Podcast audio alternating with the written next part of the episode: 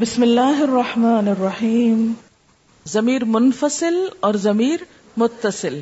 منفصل جو فاصلے میں آئے، الگ سے آئے، اور متصل جو جڑی ہوئی۔ ضمیر منفصل ہوا ہما ہم ہیا ہما ہن، انتا انتما انتم، انتی انتما انتن،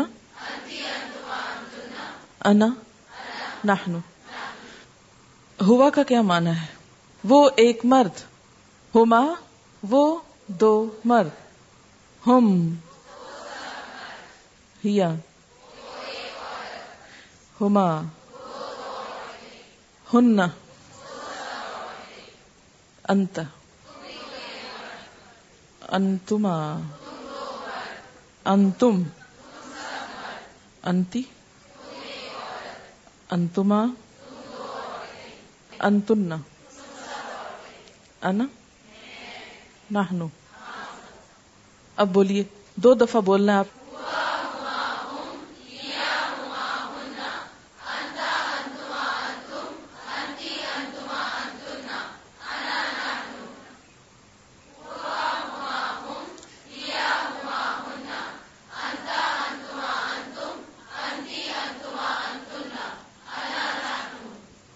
ٹھیک ہے۔ ضمیر متصل متصل کا مطلب ہے جڑی ہوئی۔ مثلا، لام حرف جار ہے۔ اس سے ہم ضمیر متصل کی گردان کو لگاتے ہیں۔ ہو کے ساتھ کیا بنے گی مثال؟ لہو۔ کیونکہ متصل الگ نہیں آتی۔ متصل کا مطلب ہی کیا ہے؟ جڑا ہوا۔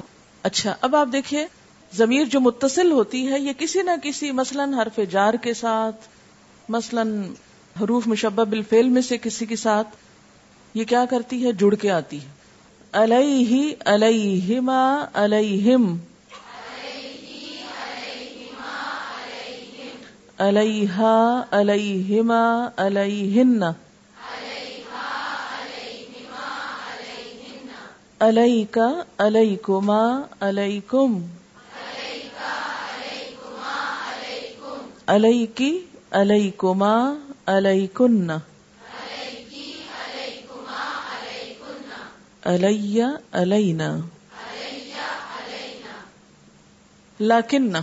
ٹھیک ہے؟ لاکن کے ساتھ کیجیے. لاکن نہ لاکن نہ ہوما لاکن نہ لاکن نہ لاکن نہ ہوما لاکن نہ ہن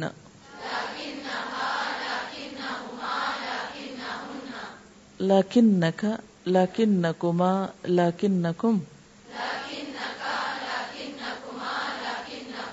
لاکن نکی لاکن نکما لاکن نکن لاکنی لاکن یہ آپ کہتے ہیں نا، السلام علیکہ. تو یہ کون سی ضمیر لگی ہوئی ہے اس کے ساتھ؟ متصل لگی ہوئی ہے۔ ابھی تک ہم نے ضمیر متصل کو حروف کے ساتھ لگایا تھا۔ اب کسی اسم کے ساتھ لگاتے ہیں۔ مثلا کتاب۔ اب آپ دیکھیے کتاب کے ساتھ ہو لگاتے کتاب ہو کتاب ہوما کتاب ہم کتاب ہا کتاب ہوما کتاب ہن کتاب کا کتاب کما کتاب کم کتاب کی کتاب کما کتاب کن کتابی، کتابنا۔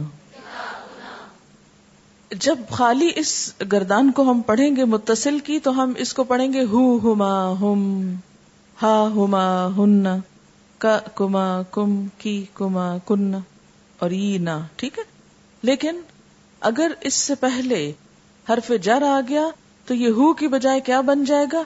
ہی، اور ہما کی بجائے ہما، اور ہم کی بجائے ہم، اور ہننا کیا رہے گا؟ ہننا ہننا ہی رہے گا۔ بنی اسرائیل میں، آیت فورٹی سکس میں، وجعلنا على قلوبهم أكنة أن يفقهوه وفی آذانہم وقرا وإذا ذكرت ربك في القرآن وحده ولوا على أدبارهم نفورا۔ امری، اب یہ یا کون سی ضمیر ہے؟ یہ یا ضمیر متصل کی ہے، ٹھیک ہے؟ امری یعنی یا ضمیر کی ہے اور یہ متصل ضمیر ہے۔ متصل کیوں کہا جا رہا ہے اس کو؟ اس کو پہچاننا کیسے ہوگا؟ مثلا اگر اس سے امر ہٹا دیں تو یہ بے معنی سی چیز رہ جائے گی۔ یہ اس وقت تک مانا نہیں دیتی جب تک کہ یہ کسی کے ساتھ چمٹ نہ جائے۔